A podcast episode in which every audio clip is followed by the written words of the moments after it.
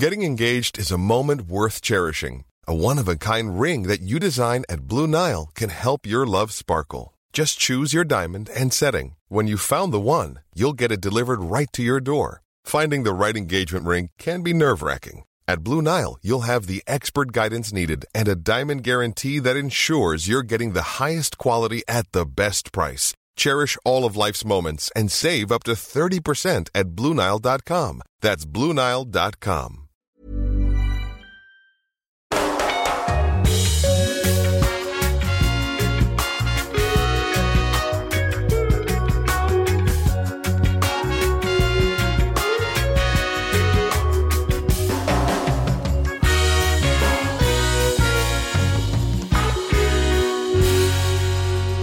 är så sorgligt. Damallsvenskan är slut.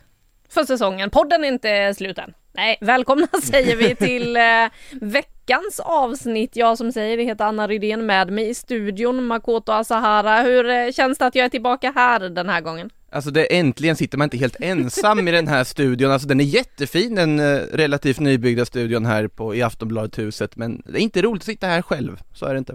Nej, vi ska ta och eh, snacka lite om eh, säsongen som har varit, galan som väntar och eh, att serien faktiskt blir en profil fattigare efter den här säsongen. Vi får väl se, det är väl kanske några fler som försvinner och slutar vad det lider, men ja, en trotjänare lämnar som vi kommer med oss om en liten stund.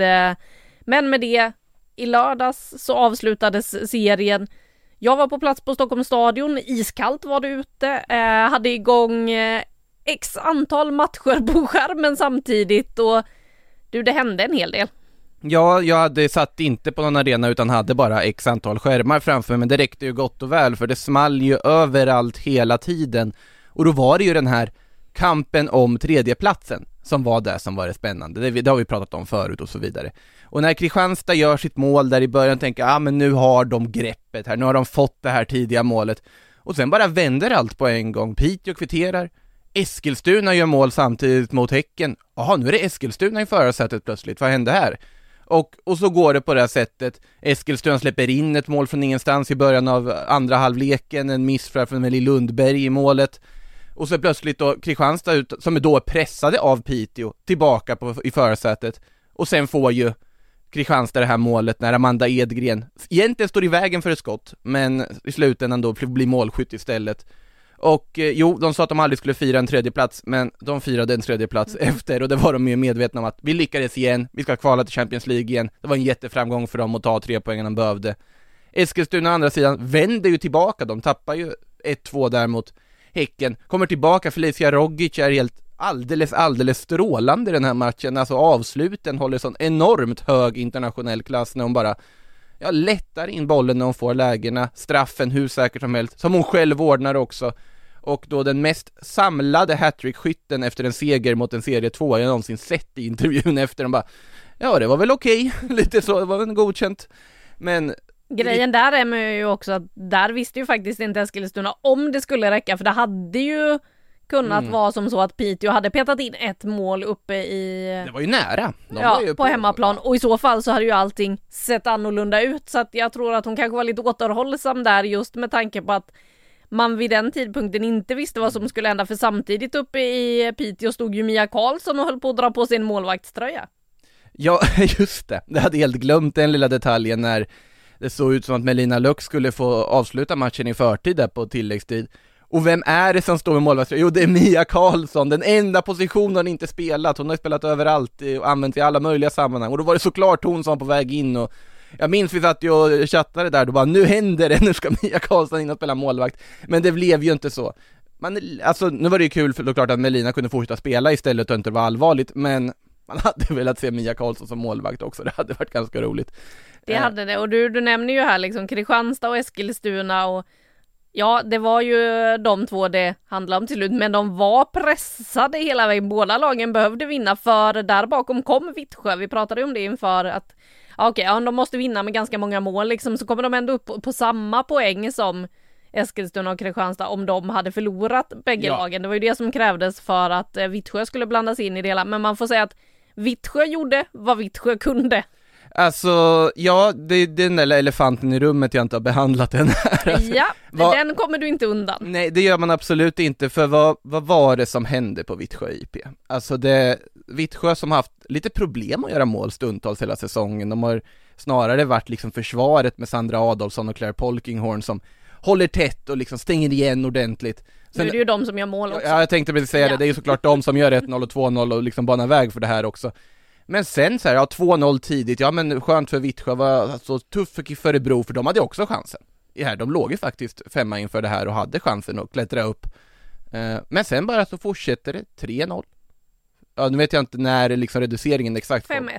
5-1, det var där den kom. Ja, 4-0 då. 5-0, 5-1. Och sen då när slutsignalen går står det 8-2. Och det här är ju en typ av resultat som vi vanligtvis många liksom använder som argument för att ja men det är för stora klyftor i den här serien och så vidare. Det handlar inte om det i den här matchen, det här är två egentligen jämnbra lag. Därför de här när liksom uppdateringarna kom på Stockholms stadion från spiken som liksom berättade att eh, så här går det just nu i allsvenskan eh, och då hade anledning att återkomma till den här matchen några gånger. När han började komma till eh, 7-2 och 8-2, äh, då bara skrattade ju publiken och undrade vad är det som händer? Ehm, har KIF Örebro någon förklaring på det här eller? De har ju det, eller förklaring och förklaring, det var ju såklart enormt tunga huvuden i KIF Örebro efter det här, Jag pratade lite med tränare Rickard Johansson som eh, skickade en liten rapport på vad det var som faktiskt eh, hände på Vittsjö IP, jag kan läsa högt här att, ja, riktigt piss idag inleder han ju smset och Svårt förklarliga att säga något annat. Eh, två insläppta mål på första tio minuterna på hörnor, ja, Sandra Adolfsson, Claire Polkinghorn. Rent fysiskt körde det över oss på den tunga planen, sen Berglind, eventuellt allvarligt knäskadad och utbytt. Det är ju oroväckande om inte annat, har ju varit ett, ett namn man kanske inte lyft så mycket i KIF men verkligen varit ett genombrott också på planen den här säsongen. Och luften dog tidigt för oss och med både Carly borta, Carly Wickenheiser som saknades också, och Berlin borta tidigt så åt det upp oss fysiskt på alla sätt. Vi försökte gå framåt men då rann det på åt andra hållet istället. Riktigt tråkig avslutning på säsongen och idag känns det riktigt tungt. Men om några dagar kanske man kan vara lite nöjd. Mer, mer poäng än vad KIF tagit på sex, sex år. Och eh, nio segrar, det är lika många som KDFF och Bayern, mer än både Vittsjö och Linköping, men problemet är att vi måste omvandla förluster till kryss. Det hade räckt i år, men det blir vår uppgift till nästa säsong. Eh, men ja, det här är ju, det är ju anmärkningsvärt på alla sätt. Och Hur mycket man än kan sakna Wickenheiser Berlin på inne mittfältet det ska, får ju inte rinna iväg på det här sättet. Och sen är det för Vittsjö så liksom alla stjärnor står ju rätt. Plötsligt sitter vartenda läge som de inte har satt tidigare. Det är en, ja, det är ju all, alla levererar ju på något sätt. Fernanda da Silva sätter ju tonen med en assist och sen det här fantastiska 3-0 målet, det var väl kanske vackraste av samtliga mål. Michel de Jong är ju hur klinisk som helst när hon får lägena. Klara Markstedt är Klara Markstedt och petar också in två mål i den här matchen. Tove Almqvist får näta igen. Många spelare som bara är sugna på att göra mål, som bara kör och det är ju vilken underbar avslutning för dem hemma på Vittsjö IP. Att ja, det räckte kanske inte till att ta sig till tredjeplatsen och såklart det blir, man tänker då också, men tänk om man kunde ha portionerat ut de här målen som Ebba Hed sa, att om man hade lagt ett, ett mål i någon 0-0 match och ett annat i en annan 0-0 match, ja då hade det varit en Champions League-plats. Men det är ju uppenbart att Vittsjö avslutade säsongen på ja, väldigt positivt vis i alla fall och de är ju att räkna med nu för tiden som ett av liksom övre halvan-lagen i, i den här serien. Det är ju utan tvekan i alla fall. Och det som är lite intressant där är ju om man tittar, de hade släppt, eller gjort eh, 21 mål inför den här matchen. Och jag har alltså åtta i samma sen, så att eh, ja, 29 mål totalt den här säsongen för Vittsjö, 8 kom mot KIF Örebro i den sista omgången. Det helt sjuka i det här är ju också att KIF Örebro då alltså, i och med att alla resultat går emot dem i den här omgången. Linköping besegrar AIK med 2-0, Jenna Grace Kanu med två mål där. Hammarby vinner borta mot Växjö med 2-0. Eh, två assist av Ellen Wangerheim ska man väl slänga in där också. Eh, en, en fin slut för säsongen för Hammarby, även om de inte nådde upp till övre halva av tabellen. Men, KIF Örebro, åttonde plats. Det har vi hört förr. Det har vi, framförallt när Kristoffer Bergström pratar. Ja, och, och det är liksom att det, det, det finns något så här.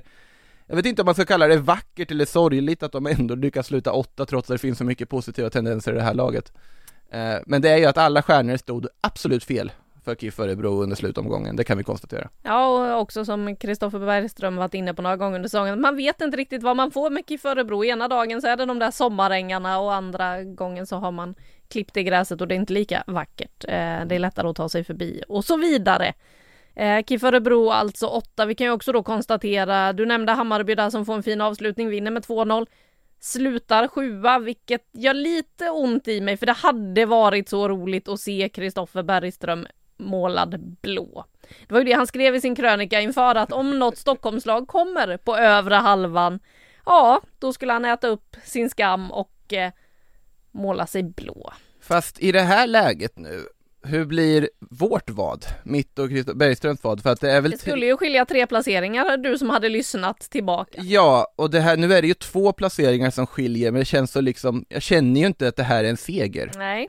Och då blir det på något sätt att... Nej, det ja, känns som att alla vad bara liksom bara, rann ut i sanden. Ja, men alltså att slänga på, slänga på honom en Hammarby-tröja nu, när det är två placeringar, det känns så här, är det blir diffust, det hade nästan varit bättre om de hade slutat åtta och då hade jag bara fått ha den där Vittsjö-tröjan som man, jag typ vill egentligen förlora det där vadet bara för, för att ha en Vittsjö-tröja, men eh, nej, det var det tråkiga delen med ja, avslutningen på serien. Exakt, väldigt mycket så faktiskt. Det man också kan konstatera när man tittar eh, rent siffermässigt som vi gör här lite inledningsvis, eh, det är ju att Rosengård faktiskt vinner serien med 10 poäng.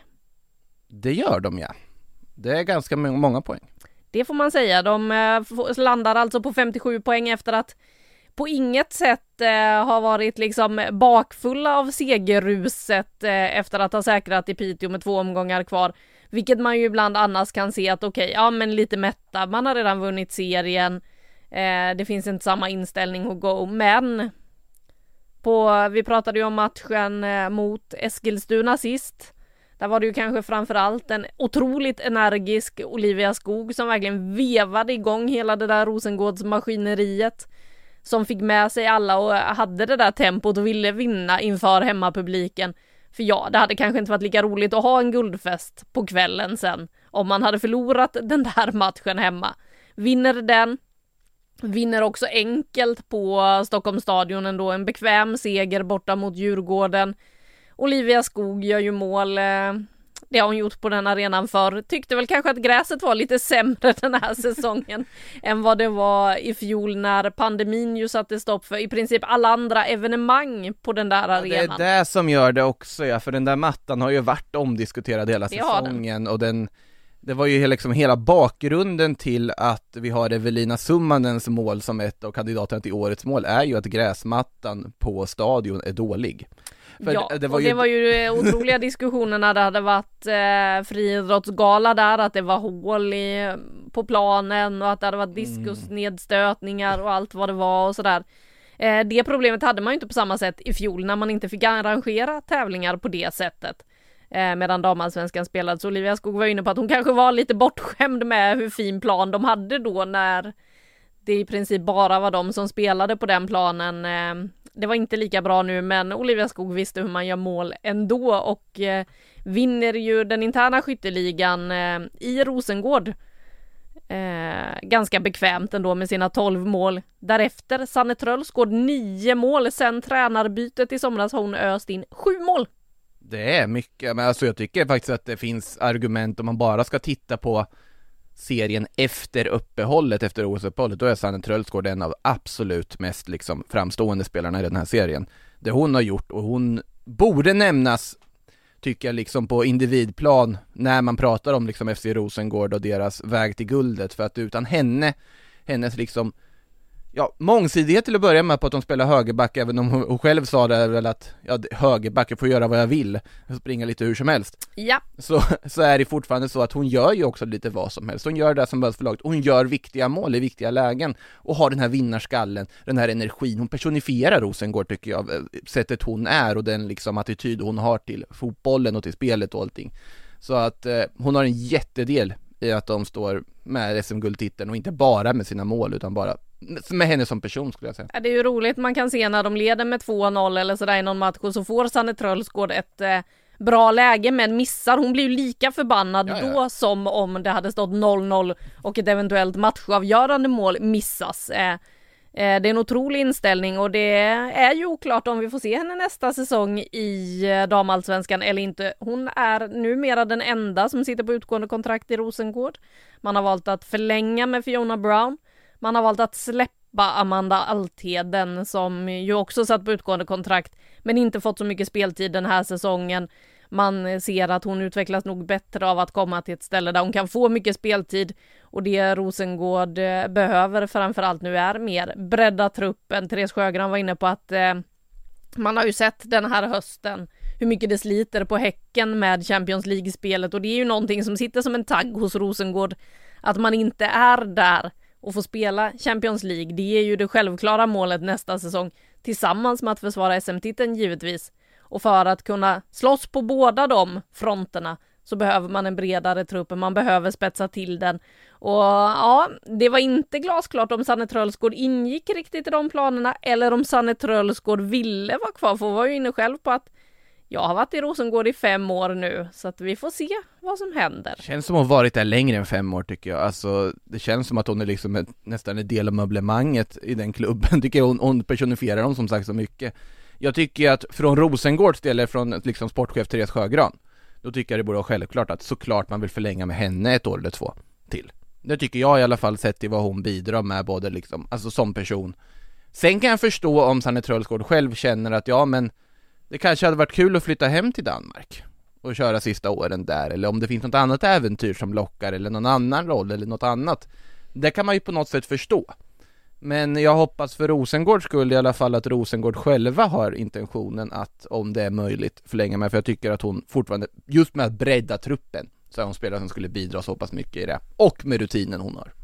Ja, det är ju en spelare vars kontrakt alltså går ut. Vi fick ju också veta här, eh, som du la märke till, att man smög ut i helgen att eh, tvåan i skytteligan den här säsongen på 14 gjorda mål eh, har ju framförallt öst in på slutet. Uchenna Grace Kano i Linköping lämnar damallsvenskan.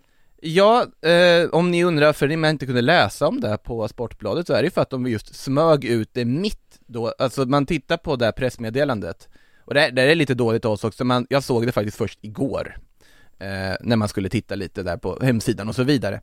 Och eh, då står det där att det publicerades den 6 november klockan 14.00.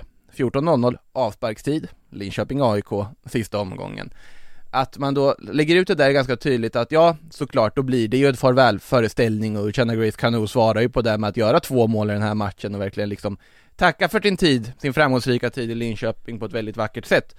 Men såklart hon smög ut det att hon lämnar, ja då sannolikt också lämnar damallsvenskan för det är ju då en liksom klubb i utlandet som ska locka tydligen. Det ska bli väldigt spännande att se vad det är för klubb som har lagt vantarna på henne för att hennes höst också alldeles, alldeles strålande. Fem mål sista två matcherna säger väl det mesta om inte annat. Där hon jag har varit helt klinisk framför mål, är ju en otroligt viktig faktor i att Linköping ändå lyfter sig upp på den övre halvan till slut i den här tabellen. Och ett jättetapp såklart, men Linköping har ju varit med om stora tapp tidigare. De tappade Frida Månum i somras, jag tycker faktiskt att de har lyckats ersätta henne nu med när Jukka Momiki har verkligen kommit in i den där rollen och man märker ju vilken enorm kvalitet och enorm spets det finns hos henne. Så jag tror att med Linköpings ändå ganska breda scoutingnätverk, med deras liksom rekryteringsförmåga som de ändå visat, så kommer de kunna hitta en bra ersättare. Men såklart det är ett tapp här och nu på alla sätt och vis att förlora sin absolut främsta målskytt och poänggörare. Ja, 14 mål landade alltså Uchenna Grace Kanopo den här säsongen och eh, vi lär väl ha sett det sista i damallsvenskan också av eh, skyttedrottningen Stina Blackstenius som ju tar hem inte bara skytteligan utan även assistligan den här säsongen. Eh, förlängde ju visserligen en månad med Häcken för att kunna spela de sista Champions League-matcherna. Det är ju så att medan vi sitter här och poddar så eh, flyger de väl in över Portugal eh, mm. Häcken med tanke på att det är Champions League-möte borta mot Benfica som väntar för eh, Häcken härnäst. Men eh, ja, Stina Blackstenius är ju en spelare som har haft en alldeles fenomenal säsong. Ja, den, eh, ja, hon, hon vinner skytteligan, hon vinner assistligan, vad mer behöver ni höra? Lite, lite så, hon har ju varit alldeles, alldeles lysande och man märker ju också när man tittar bara på sociala medier utan att gå in på liksom vilka klubbar som genuint är intresserade på riktigt eller inte, så märker man på internationella klubbar supportrar. Framförallt kanske Manchester United-supportrar på sociala medier, så fort Stina Blackstenius dyker upp, nämns någonting på, på liksom Twitter och så vidare, då är United-fansen där bara, men vad håller ni på med, varför har ni inte värvat henne än? Liksom, vi ska in henne på topp. Eh, många vill se Stina Blackstenius i sitt lag och Stina Blackstenius är ju väl medveten om att det kommer finnas ett enormt intresse för henne. Jag vet, jag pratade lite med henne här i veckan och då, då sa hon ju det att, ja men det, man vet ju inte så mycket än, men såklart att det ändå börjar närma sig en tid när man ska börja se över sina alternativ och se vad det finns på bordet och vad man kan göra, men det är ju ganska uppenbart att hon siktar ju på att komma till en riktigt stor klubb ute och testa ett rejält äventyr utomlands. Det, det är ju en ganska illa dold hemlighet om vi säger så. Det är det ju verkligen och man har ju sett eh, hur trygg hon är i den miljön hon har befunnit sig nu i Häcken, hur bra det har funkat, hur skönt det har varit för henne att landa in och få en ordentlig försäsong, kunna bygga på alla delar i sitt spel egentligen. Hon har ju verkligen försökt vässa allt mm, som hon kan på en fotbollsplan och slitit rejält för Häcken. Var ju tidigare i Frankrike i Montpellier. Det gick väl inte riktigt som hon hade tänkt sig. Jag har ju själv varit inne på att hon kanske var lite ung det var lite jobbigt det här med att man faktiskt inte förstod språket, att det ställde till problem när man väl kommer ut och kanske är lite osäker från början och så funkar inte kommunikationen och sådär och det var väl första landslagssamlingen efter OS tror jag som jag då frågade henne, men du Stina, vilka språk pratar du då? Svenska och engelska. Ja, och ja. eh, alltså det är ju någonting också med Alltså svenska spelare och en fascination för den engelska fotbollen. Det finns ju något sånt där också, att det finns inrotat i Tipsextra-kulturen och uppväxten för alla att det är något speciellt med att spela i England. Sen är det ju såklart att man har märkt att vissa såklart dras till Spanien eller till Italien och så vidare också, men det är något särskilt med England, det är något särskilt med de här klubbarna som Manchester United, Liverpool, Arsenal, Chelsea, City nu för tiden också, men att spela i den engelska liksom fotbollskulturen tror jag tilltalar väldigt många samtidigt som det är en liga som verkligen är på frammarsch på alla sätt och vis, inte bara på hur det ser ut på planen utan också hur det ser ut runt omkring planen. Så att såklart det är en attraktiv miljö att komma till.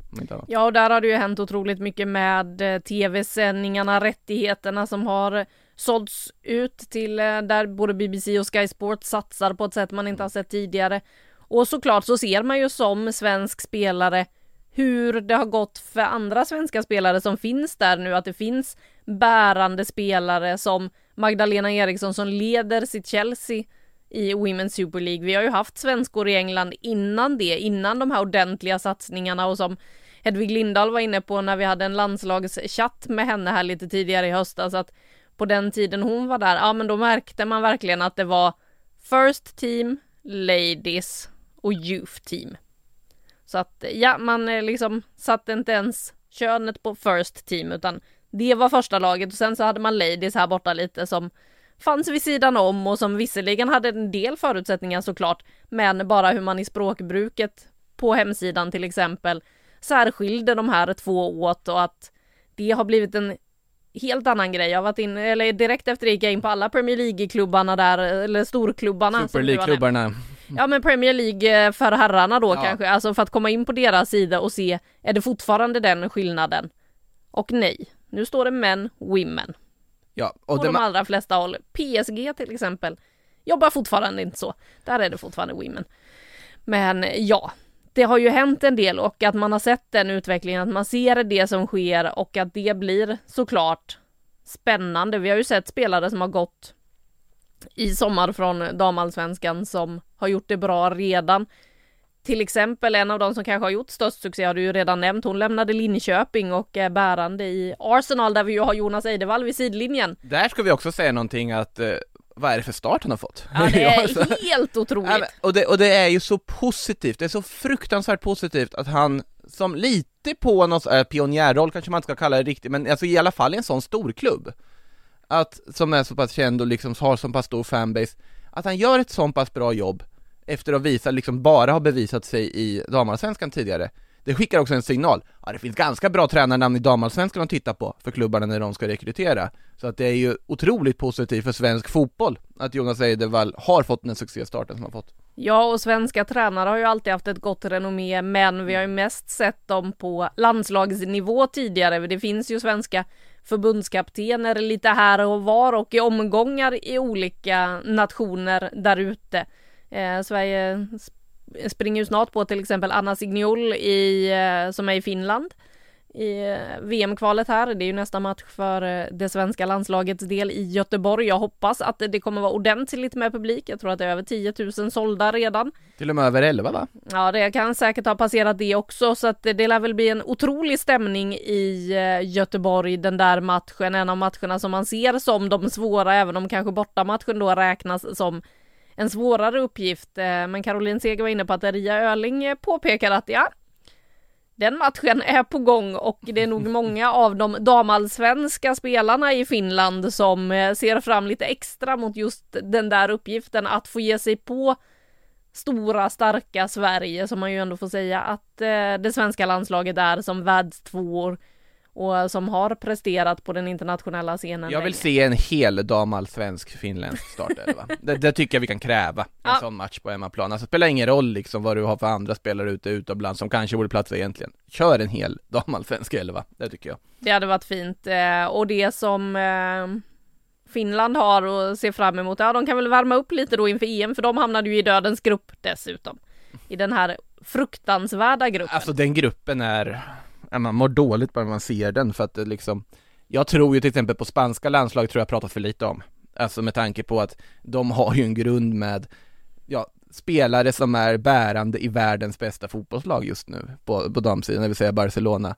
De borde kunna vara en utmanare om titeln. Du har Tyskland som, som är revanschsugna så in Ja, ja, som inte har fått spela OS och vill visa att och, de fortfarande... Och röker redan i en kvartsfinal i VM senast, det smärtar såklart. Ja, ja men det är det, det är inte... Sverige sparkade ut dem i ett stekhett renn för två år sedan. Det gjorde de, och ja, de kommer ju, de är ju en supertitelkandidat på alla sätt och vis. Nu ska vi se den här så man inte blandar ihop allting, visst är det Danmark vi har där också? Det är absolut ja. Pernilla Harder och gänget som ska försöka få hål på de här giganterna. Ja. Och sen då Finland på det, så att det är ju, ja den gruppen är ju helt bisarr. De har lyckats plocka de svåraste från varje, alltså pott. I princip, skulle jag säga. Ja det är möjligtvis som Sverige skulle in där istället Jo, jo, ja, ja i och för sig det är sant Men mm. Spanien och Sverige, Spanien är också ett, jag, jag tror Absolut. på Spanien det, det, tror jag med. Eh, och det som jag tycker ändå var roligt att prata med Anna Signol efter den här eh, lottningen eh, som ändå var väldigt positiv kring vad de hade hamnat i och valde, som man ju såklart ska som ledare för ett lag i det här läget, att se möjligheterna som finns att det här kommer bli ett getingbo. Det finns inga matcher där de andra kan vila spelare. De kommer ta poäng av varandra. Ja, och underskattar de oss på köpet så gör det absolut ingenting för oss. Det, det, är en bra poäng hon har faktiskt, att det är ju liksom att för Finlands del så kan det ju räcka med ett eller två skrällresultat för att faktiskt ta sig vidare i och med att de andra lagen kommer att liksom gå på nita mot varandra. Sen kan du ju vända på det också att, ja det är inte som att Finland kommer att kunna räkna hem tre poäng i någon match heller. Nej. Eh, det hade de i och för sig kanske inte kunnat oavsett vad de hade fått för grupp sett i deras status på så vis. Men jag skulle ju säga, ja jag satt och tänkte om liksom, de finländska herrarna var ju liksom helt nederlagstippade inför eh, herrarnas EM det är väl ändå tuffare läge för damerna här nu med tanke på vilka enormt starka lag de har hamnat med. Så ja, den, den... Ja, nej, de ska ju inte på pappret ta poäng i någon av de matcherna. Nej, de ska, de ska knappt göra mål i någon av de här matcherna liksom med tanke på vilka de möter, men det är, jag hoppas att de kommer att eh, verkligen liksom ge det en match och överraska oss, det hade varit väldigt roligt. Ja, det blir en eh, spännande och eh, rolig sommar att se fram emot och vi får väl se hur det blir med biljetttrycket inför det där.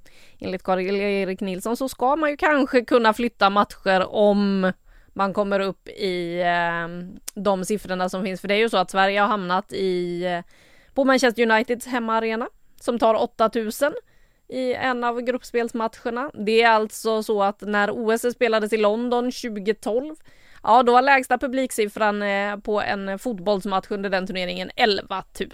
Och så har man pratat om att det här ska vara det största mästerskapet i historien på damsidan. Det, så, mm. Jag fattar ju kanske att du inte vill bara ta de absolut största, Nej, men mellanarenor måste det finnas ganska gott om i England. Ja men titta på hela football League-systemet. Du har liksom ja vad blir det? Du har 20 lag i Premier League, 24 lag i Championship, 24 lag i League 1 och 24 lag i League 2 som jag nästan vågar säga att majoriteten av dem har större än 8000 på sin arena. Alltså det, det finns hur mycket arenor som helst att välja på.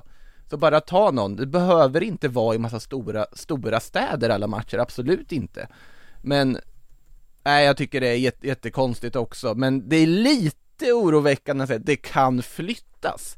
För jag minns ju då med fasa den här plötsliga diskussionen som dök upp inför OS-finalen. När, ja men vi flyttar den på grund av tiden som vi la den fel från början. På grund av liksom amerikanska tv-tider och allt vad det var så, ja, men vi flyttar den till en annan stad istället nu, dagen innan. Vi vill inte få något sånt liknande att oj, det kan komma lite mer folk, ja men vi flyttar väl den till Wembley istället då.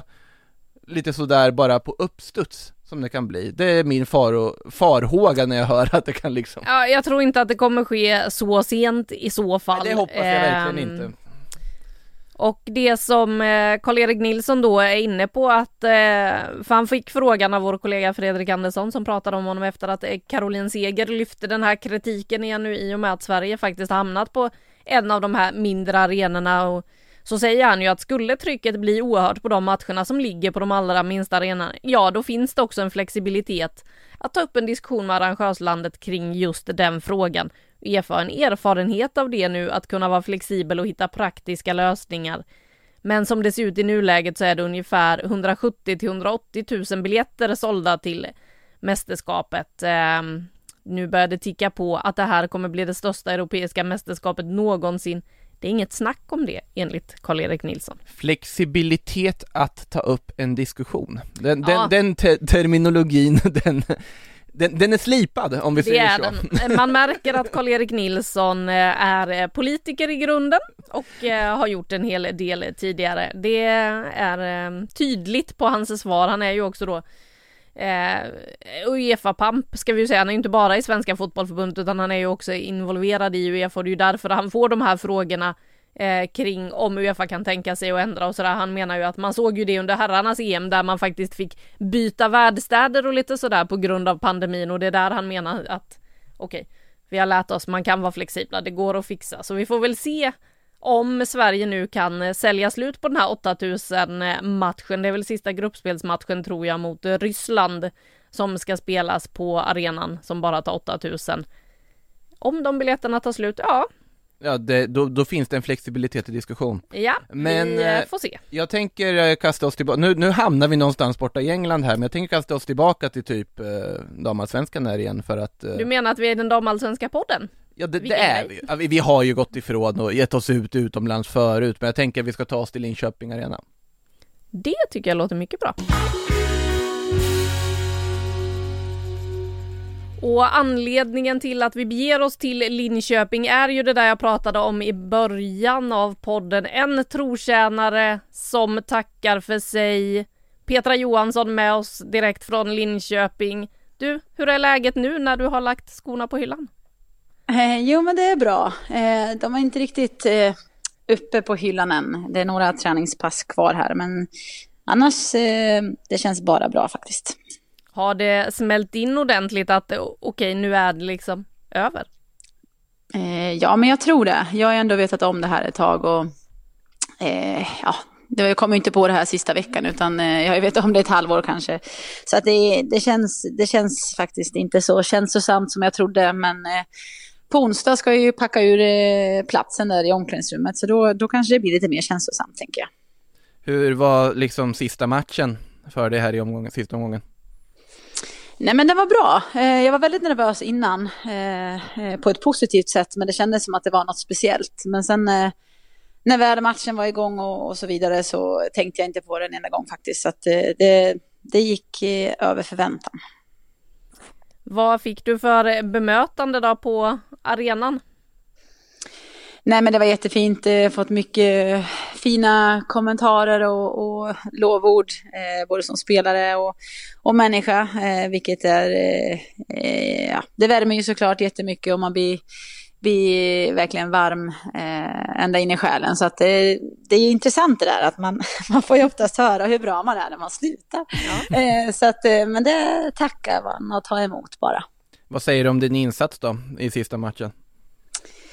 Eh, nej men det kändes väl som en, eh, en stabil insats tycker jag. Eh, eh, gör väl sällan några eh, saker eh, som sticker ut massa eh, och kanske inte sticker ut åt, åt varken det bra eller dåliga hållet. Så att en, en stabil insats som, som det kanske oftast brukar vara när Petra Johansson spelar. Det är inga, inga wow åt något håll. Du, om man tittar här på statistiken så vinner du ju faktiskt varningsligan i år också i och med att du fick ett gult kort i den här sista matchen. Eh, hur känns det att eh, lämna med en eh, seger i varningsligan? Ja, men det känns ju bra. Det känns som att det har ju ändå alla tippat på skulle jag tro. Så att då liksom jag ju skäl för, för ryktet här tänker jag. Så att, det känns väl jättebra. jag fick ju ta ett sista gult kort i sista matchen också. Så att ja, det kändes ju bra. Var det ett korrekt gult kort? Ja, men det tycker jag. Eh, jag kom ju lite sent där. Eh, så att eh, den, den skulle jag nog ha. Var det där jag vann ligan på alltså? Ja, Hanna Davidsson har nämligen sex eh, gula kort också. Så att det där sjunde, ah. det gör att du är ensam på topp. Ja, det visste jag faktiskt inte, men så himla bra.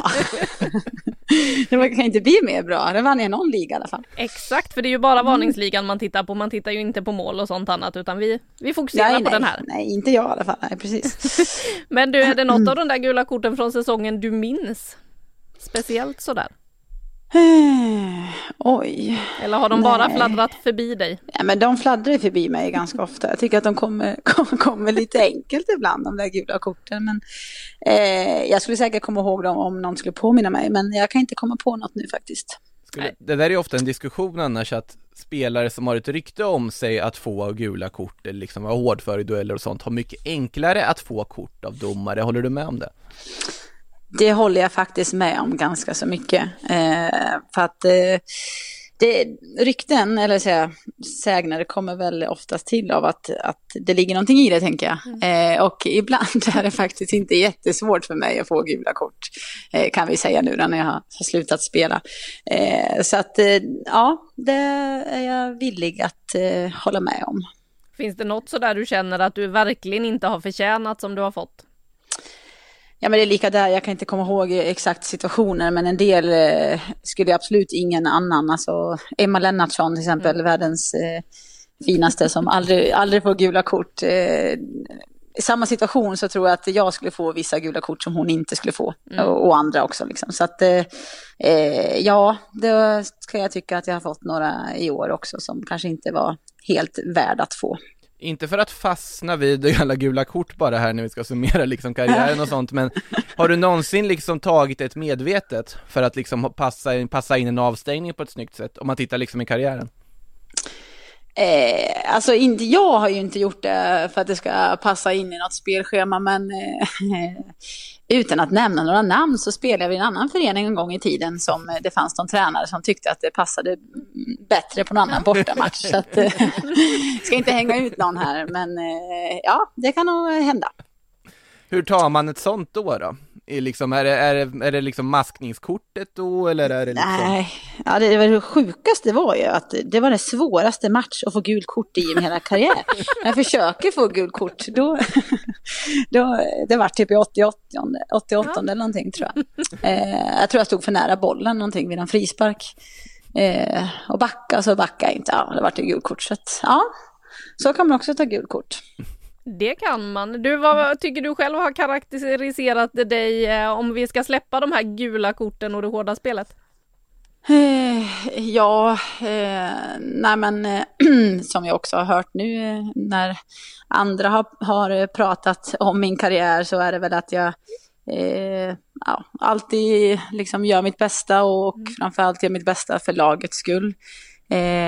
ja, en spelare med ledaregenskaper som som ja, eh, vill få andra eh, med mig och må bra. Eh, sen så tycker jag väl själv också att jag eh, har eh, ganska så bra fötter, eh, speluppfattning så. Eh, men som jag också sa i början att eh, eh håller väl en en eh, hög lägstanivå också. Mm. Du var ju inne på det i början också att det här är ett beslut som liksom har växt fram för dig, att du har vetat om det själv i ett halvår eller så att eh, det här är sista säsongen. Vad är det som ligger bakom det här beslutet? Eh, nej men framförallt är det ju att eh, jag vill ha mer tid till eh, min, mina barn och min familj. Eh, jag har levt eh, eh så här i 20 år. Jag var 13 år när jag började spela i, i, i Elitettan, eller Norrettan som det hette då. Så att eh, man har ju levt det här livet i, i väldigt många år och eh, även fast man gärna har gjort det hittills eh, och, och liksom, det är fortfarande lika kul men eh, jag vill också vara med när min, min dotter växer upp och kunna vara fotbollstränare där och vara med på helgerna när man gör andra saker eh, istället för att åka buss över, över hela Sverige. Så att, eh, eh, framförallt handlar det mest om att jag eh, vill ha ett, ett liv, eh, ett normalt liv tillsammans med min familj helt enkelt. Vad kommer du sakna mest med att inte vara fotbollsspelare? Eh, nej men såklart eh, när man varje dag kommer till eh, omklädningsrummet, till laget eh, och, och, man har ju väldigt kul ihop, eh, i alla fall de lagen jag har varit i så har vi verkligen haft eh, fantastiskt roligt ihop under, under de här elva månaderna som säsongerna är, eh, oavsett hur, hur dagen ser ut. Man har alltid 20 kompisar som tar hand om om, om det skulle behövas. Eh, men också såklart att, att vinna någonting tillsammans, eh, en enstaka match eller en kupp eller eh, en serie, vad det kan vara. Eh, så att eh, det är så mycket känslor inblandade i, i, eh, i idrott, eh, oavsett om man förlorar eller vinner. Så allt man har gjort tillsammans och att man liksom träffar dem nästan mer än, än sin familj blir det ju för man tränar så mycket. Vad betyder det att du har SM-guldet med dig också liksom? Om jag hade fortsatt i tio år till annars. eh, nej, men det är klart att det känns jättebra att ha ett SM-guld eh, och framförallt eh, ett SM-guld med eh, Linköping. Eh, men sen så, det hade inte påverkat mitt beslut, det kan jag inte säga. Eh, det vet man ju aldrig hur lång tid det tar att vinna ett SM-guld. Du var ju inne på att det är mycket känslor och så här involverat i fotbollsspelandet. Det är ju också adrenalinkick blickar och så här att få ge sig ut i de här matcherna och ge sitt allt. Hur ska du ersätta de här adrenalinkickarna och eh, känsloutbrotten som man ändå kan få ut på planen? Ja, bra fråga. Det har jag nog inte, inte funderat på än. Kanske börja spela igen, vet. Nej. Eh, nej, men så är det ju. Eh, man eh, får ju skapliga kickar av eh, att spela match och, och situationer som sker i, i, olika matcher. Så att eh, ja, jag får väl hitta någonting här efterhand tänker jag. Eh, just nu så vill jag bara vara ett tag tänker jag. Jag behöver inte hitta på något nytt på en gång. Men du, vad kommer du sakna minst då med att vara fotbollsspelare? Minst? Oj, den frågan har jag aldrig fått. Det var ju Ja, men det måste ju ändå vara de här äh, träningarna i januari, februari när det är minus 10 grader ute och bollarna är stenhårda. Och, ja, det finns ju roligare träningar liksom. Ja, det, det låter inte så glammigt. Nej, de, de, det är inte så glammigt då heller. Men du hade några träningar kvar här innan det är helt över liksom? Ja, precis. Det är tisdag, onsdag är det fotbollsträningar, sen är det jojo-test på torsdag och det behöver inte jag springa då, så att, eh, det kanske man också är glad över att inte behöva göra framöver. Tror du att lagkamraterna har förberett någon överraskning eller någonting till? Eh, de har redan eh, överraskat mig lite och, och, och tackat av mig så att eh, det, det skötte de efter matchen i lördags eh, och jättefint av dem. Du eh, lägger ju då skorna på hyllan nu men du har ju faktiskt gjort det en gång tidigare, 2015 eh, så la du av med fotbollen eh, men kom tillbaka ändå. Eh, ja, precis. Då var det ju, eh, då trodde jag ju verkligen att jag hade slutat eh, för gott. Så att det ska jag inte säga någonting annat. Men då väntade ju eh, min dotter Nora. Så mycket slutade jag på grund av att jag var gravid då. Eh, så att eh, det var ju en liten annan situation än vad det är nu kanske.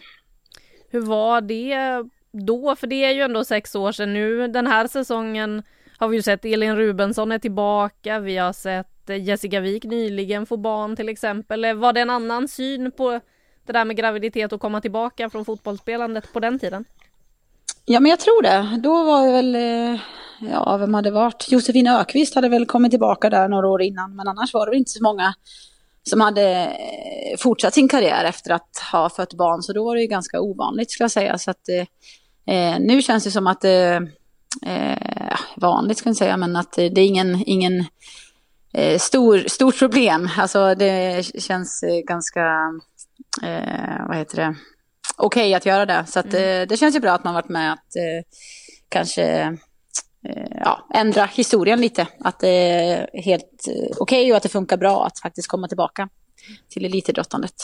Ja, för det vad jag förstått var inte helt säker på om det liksom skulle gå att komma tillbaka för att man inte hade sett det tidigare så mycket.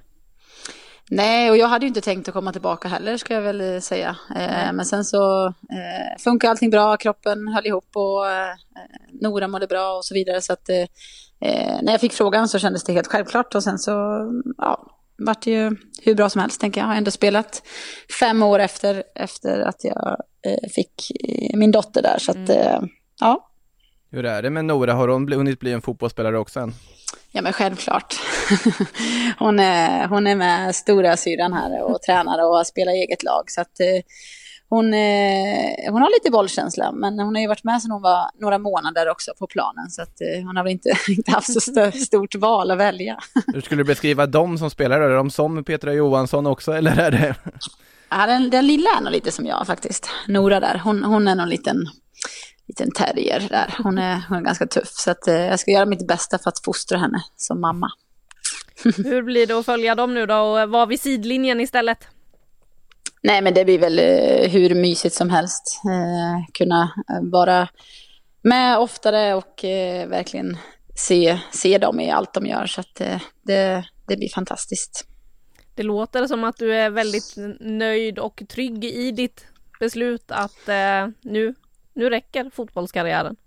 Ja, men det är verkligen så och det känns så himla bra. Det var som i, i lördags där så var det ju nästan lagkamraterna som grät eh, tårögda mer än vad jag var. Jag var. Men jag är fortfarande här så att jag flyttar ingenstans. Jag kan ju komma ner och, och hänga med dem där ändå. Eh, det är nära till arenan så att eh, det, det är jag verkligen trygg med. Du kommer synas där i liksom arenans katakomber och sånt även efter nu. ja, precis. Vad ska du göra nu då när du har tränat klart och lämnat Linköping FC? Eh, då eh, håller jag ändå till på arenan för jag är eh, fotbollsinstruktör på gymnasiet där på eh, Fria läroverken. Eh, så att jag är ju på Linköping Arena varje förmiddag ändå nästan. Så att jag är inte så långt bort. Så att jag ska vara gymnasielärare helt enkelt. Det blir inte så mycket separationsångest direkt liksom? Nej, det blir inte det. Så att det ska nog gå fint. Så bra. Du Petra, tusen tack för att du hade tid att ställa upp här lite och stort lycka till framöver. Ja, men tack så mycket själva. Och stort tack för allt vi har fått se under karriären måste vi säga också. Ja, tack för allt ni gjort också. Ja, Petra Johansson eh, med oss där alltså. Imponerande lång karriär som man var inne på började redan som 13-åring alltså i näst högsta serien. Eh, då har man varit med om en del. Ja, det har man ju. Man har ju varit med om en häftig utveckling för fotbollen här också liksom. Man har varit med under många olika perioder och sett det här växa till där det fortfarande håller på att växa till och fortfarande håller på att bli. Så att eh, det måste vara häftigt och som sagt, eh, finns anledning att tacka för den karriären för att ha varit en pionjär på många sätt också och en förebild liksom. Och det blir spännande att se vad det är då för fotbollsvärld hennes eh, döttrar växer upp till. De har ju några år kvar till Även då till om de skulle börja så rekordtidigt i näst högsta serien som Petra så är det ju ändå en bit kvar. Eh, vi ska faktiskt ta avrunda här alldeles strax för det händer så otroligt mycket just nu, även om serien är slut. Så är ju inte vårt jobb med serien slut för den här säsongen än. Eh, det ska ju bli en galatillställning för att sätta punkt på hela det här med damallsvenskans bästa om mindre än en vecka. Om en vecka sitter vi här och pustar ut. För då är galan över. 19.00 på måndag är det som gäller. Hur laddad är du Makoto? Jo, man är ju jätteladdad för det här nu när man också har, man hade ju ett väldigt roligt jobb förra veckan måste jag säga, när man ändå skulle ringa upp och till vissa nominerade då till priserna faktiskt också liksom prata lite med dem och avslöja att de blivit nominerade, så det var ju väldigt trevliga samtal man fick ringa då till de som faktiskt kan vinna priser på den här galan. Alla nominerade är ju släppta, de har dykt upp liksom en efter en här nu i kategorierna på Sportbladet här under veckan. Och nu också här, idag, presenterade vi ju de åtta kandidaterna till årets mål och det kan jag säga, det har stötts och blötts här på, på redaktionen. Vi har eh, inte alltid varit helt Nej. ensamma om allting, men eh, vi kom fram till åtta stycken till slut och de ska ju då ni som lyssnar, ni som läser, tittar, ni ska vara med och rösta fram dem och det gör ni via Sportbladets Instagram story där det kommer att avgöras då. Ja, och det är bara att ge sig in för det är full gång redan nu med kvartsfinaler och eh, det är ju så att det kommer vara kvartsfinaler, det kommer vara semifinaler senare i veckan och så dygnet fram till galan så är den stora finalen, den kommer att avgöras under direktsändning så att man har chansen att ge sig in under eh, galans eh, första timme för att rösta på sin kandidat till eh, årets mål. Så att vill du vara säker på att din kandidat är med hela vägen dit, ja då måste du in och rösta fram den både i kvartsfinal och semifinal också. Så är det. Du måste vinna tre runder, det är ett slutspel, det är ju en lång väg fram till att då få det här priset som årets mål. Kvartsfinal 1 och 2 är ju igång redan nu på på Sportbladets Instagram, så in där och eh, rösta om ni inte gjort det. Jag har varit inne och röstat i alla fall och ni som har lyssnat på podden tidigare kan nog gissa vad jag röstade på i kvartsfinal 2 i alla fall.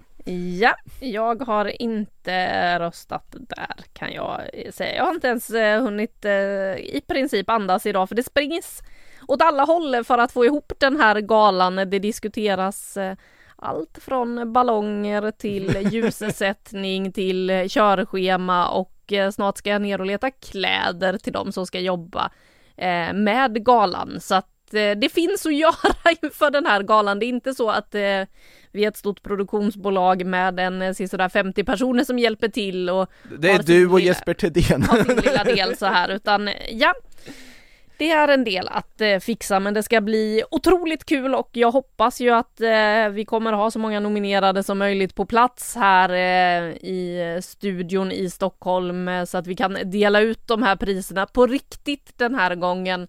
I fjol, eh, ni som såg galan kanske minns hur vi fick åka runt och överraska. Det var ju fortfarande pandemiår, vi fick inte bjuda hit någon. Eh, det bästa där var nog, det, visst det var kul att eh, lura Beta som trodde att hon skulle få dela ut ett pris till Cessi, vilket hon också skulle. Men eh, att istället lämna över hennes diplom, att hon hade tagit hem årets tränare som hon ju gjorde. Cessi vann årets mittfältare.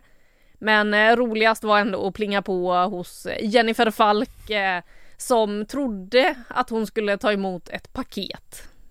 För då er som inte har sett klippet kan Notera att hon står redo med legitimationen för hon ska legitimera sig och ta emot det här paketet när hon öppnar och ser vilka som står utanför och eh, fick alltså ta emot priset som årets målvakt i fjol efter att ha varit en starkt bidragande anledning till att de tog sitt historiska första guld. Jennifer Falk kan ju faktiskt försvara titeln. Ja, hon är ju nominerad till årets målvakt igen och det ska sägas att även om alla inbjudningar här har det, står det att det är mörk kostym, kläd, klädkod Jennifer Falk, du får dyka upp i en Turtles hoodie. Det är, det är helt okej. Okay. Okay. Du har den liksom eh, eh, frivilligheten att göra det, ifall du nu vill och kan närvara på galan. Om du nu lyssnar på det här också, det är oklart också. Den lilla detaljen, det finns ju eh, väl i alla fall, eller hur många, är det bara en till som kan försvara sitt pris? Det är det va? Det är Olivia Skog. Olivia Skog kan försvara ett MVP-pris. Sen har vi ju många som är nominerade igen men kanske inte vann i fjol. Jag tänker till exempel på Josefin Rybrink som var nominerad. Ja, Beta kan ju försvara sitt Beta pris. kan försvara också såklart. Årets tränare försvarade sin tredje plats och då kan man försvara sin årets tränare-titel också.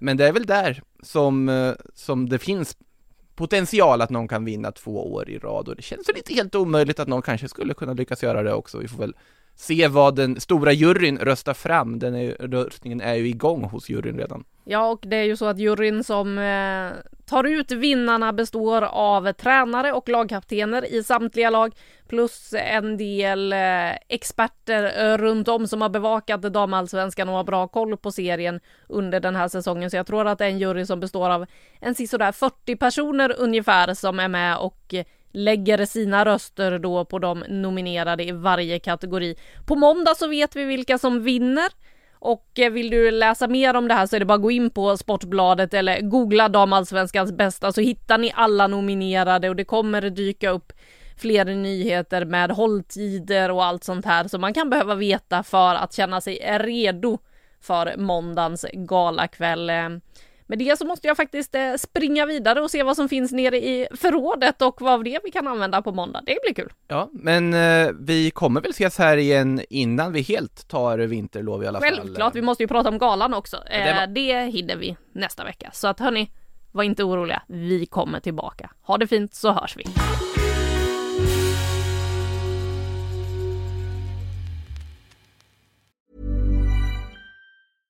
Hej, jag Ryan Reynolds. At Mint Mobile, we like to do the opposite of what Big Wireless does. They charge you a lot, we charge you a little. So naturally, when they announced they'd be raising their prices due to inflation, we decided to deflate our prices due to not hating you. That's right. We're cutting the price of Mint Unlimited from $30 a month to just $15 a month. Give it a try at mintmobile.com slash switch. $45 upfront for three months plus taxes and fees. Promote for new customers for limited time. Unlimited more than 40 gigabytes per month. Slows. Full terms at mintmobile.com.